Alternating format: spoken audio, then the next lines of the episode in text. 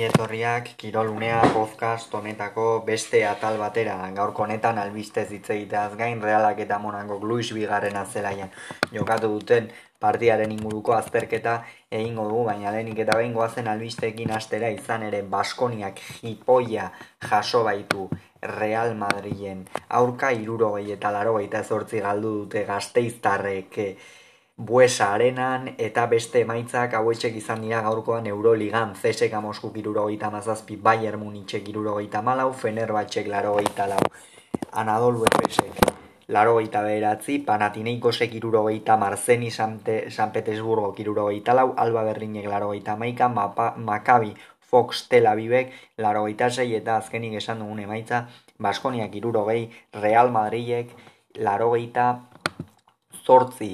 Bestalde, Margasol basket Gironara itzuli da. Margasol jokalariak ostegun honetan jakinarazi duenez basket Gironan jarraituko du bere ibilbidea.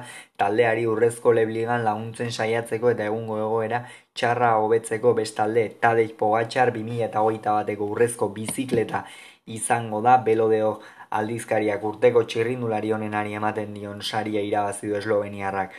2008 batean Pogatxarre Frantziako turra Lieia Bastoin Liega bigarren Lombardia eta Tirreno Adriatiko iraz ditu, gainera uzire munduko zailkapeneko lehen postuan amaitu du urtea, beraz merezita irabazi du.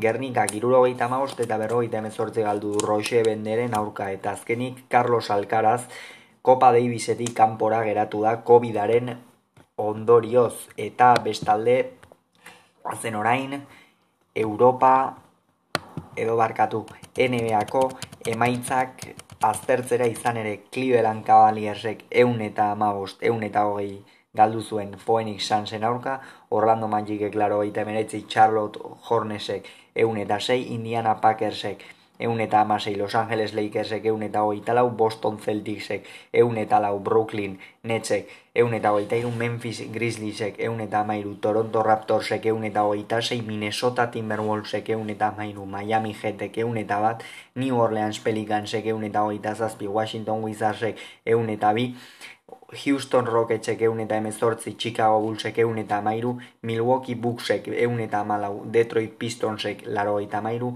Oklahoma City Thunderrek eun eta lau, Utah Jazzek eun eta amar, San Antonio Spursek eun eta sei, Atlanta Hawksek eun eta hogeita lau, Sacramento Kingsek eun eta hogeita bost, Portland Trail Blazersek eun eta hogeita bat, eta azkenin Golden State Warriorsek eun eta amasei, Philadelphia 76 Laro gaita amasei eta horrein guazen sailkapena ikustera izan ere esteko konferentzian Brooklyn Nets e, amala garaipenekin dago, New York Knicks amarrekin, baita Boston Celtics eta Philadelphia ere, Toronto bederatzi garaipenekin, Chicago Bulls.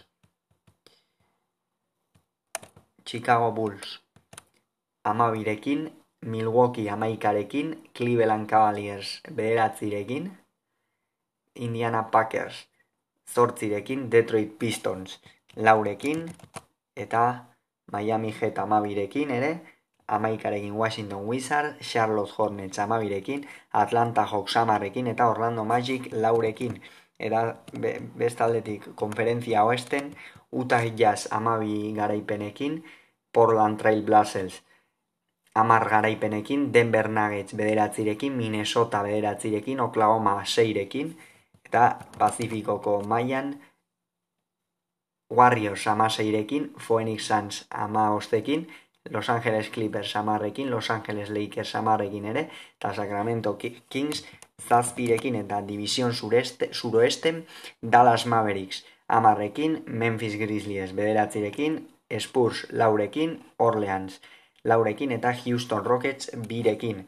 Hau beraz, saskibaloia eta konkretuki NBA-ari egin behar genion tartetxoa, guazen orain Europa Ligan gaur jokatu diren partiden inguruko emaitzak esatera. Izan ere, Brondbik bat, Lionek iru, Rangersek bi, Esparta Pragak bat, PSV bi Estungrasek huts eta ondoren aztertuko dugun partidan Monakok bi realak bat Zemuntzoan Espartakek bi Napolik bat Leicesterrek iru legiak bat Eintrantzek bi Antwerpek bi Olimpiakosek bat Fenerbahtzek huts Lokomotifek huts Latziok iru Galatasaraik lau Marseiak bi Izargorriak bat Ludogoretxek huts Midgillanek iru Bragak bi Betisek bi Ferenbarosek huts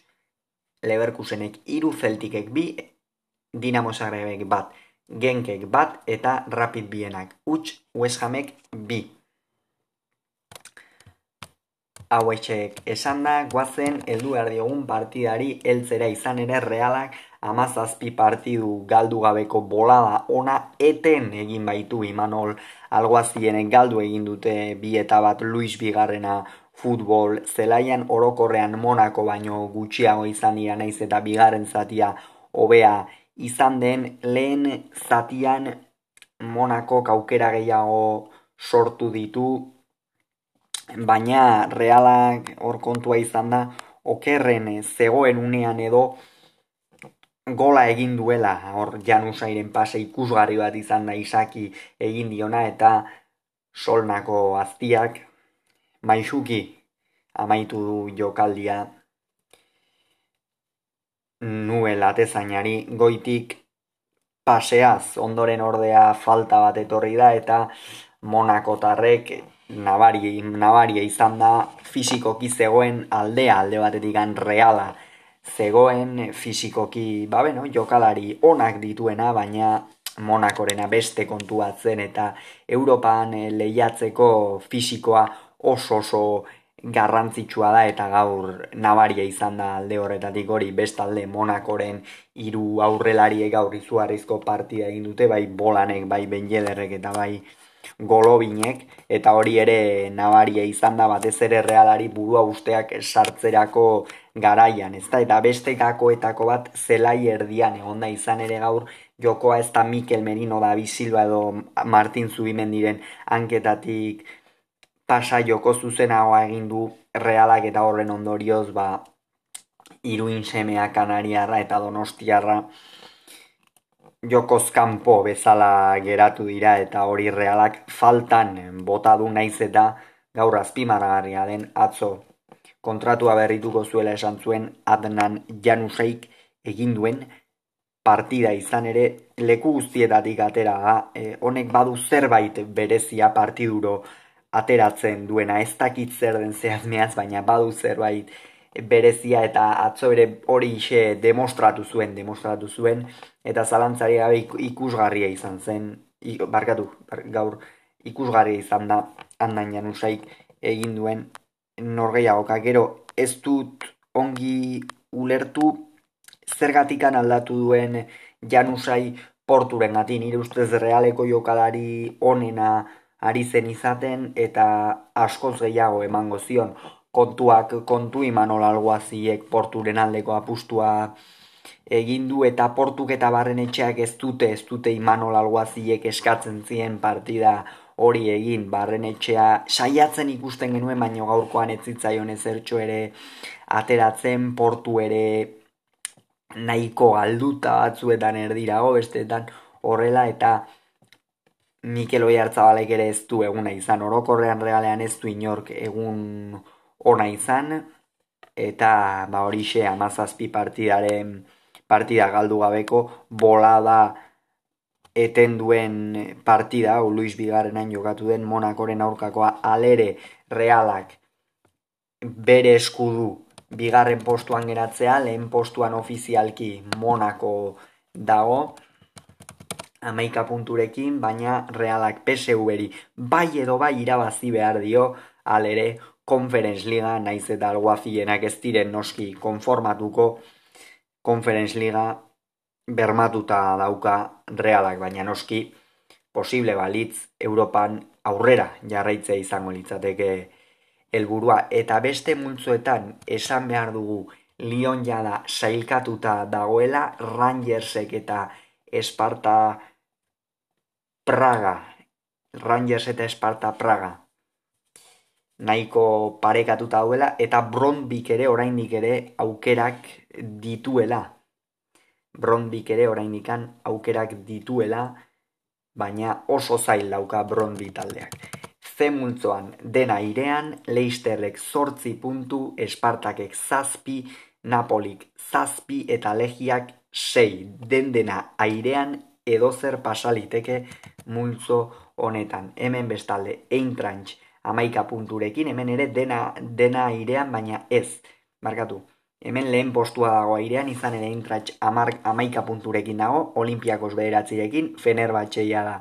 Fenerbatxeia eta Antwerpek, Conference Ligako postua jokatuko dute izan ere ez barkatu Fenerbahçea konferentzian egongo litzateke eta Antwerp Europatik kanpo. Emultzoan Galatasaray amaika punturekin, Lazio zortzirekin, beraz Marseilla ia da zuzenean konferentzera eta lokomotifekin jokatu beharko du hori.